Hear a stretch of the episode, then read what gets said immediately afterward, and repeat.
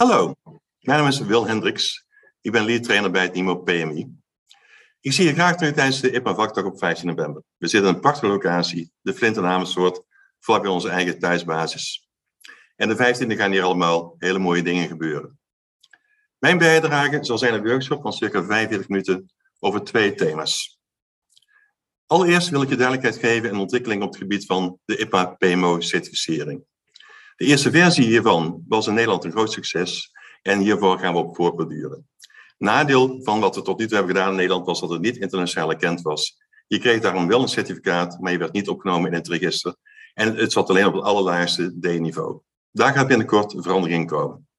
Vanaf 15 november start in Nederland de pilot met het IPA PMO D-examen.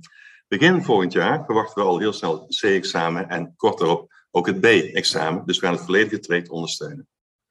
Hiermee krijg ook jij als PMO-medewerker of PMO-manager een brede internationale kenning voor jouw vak.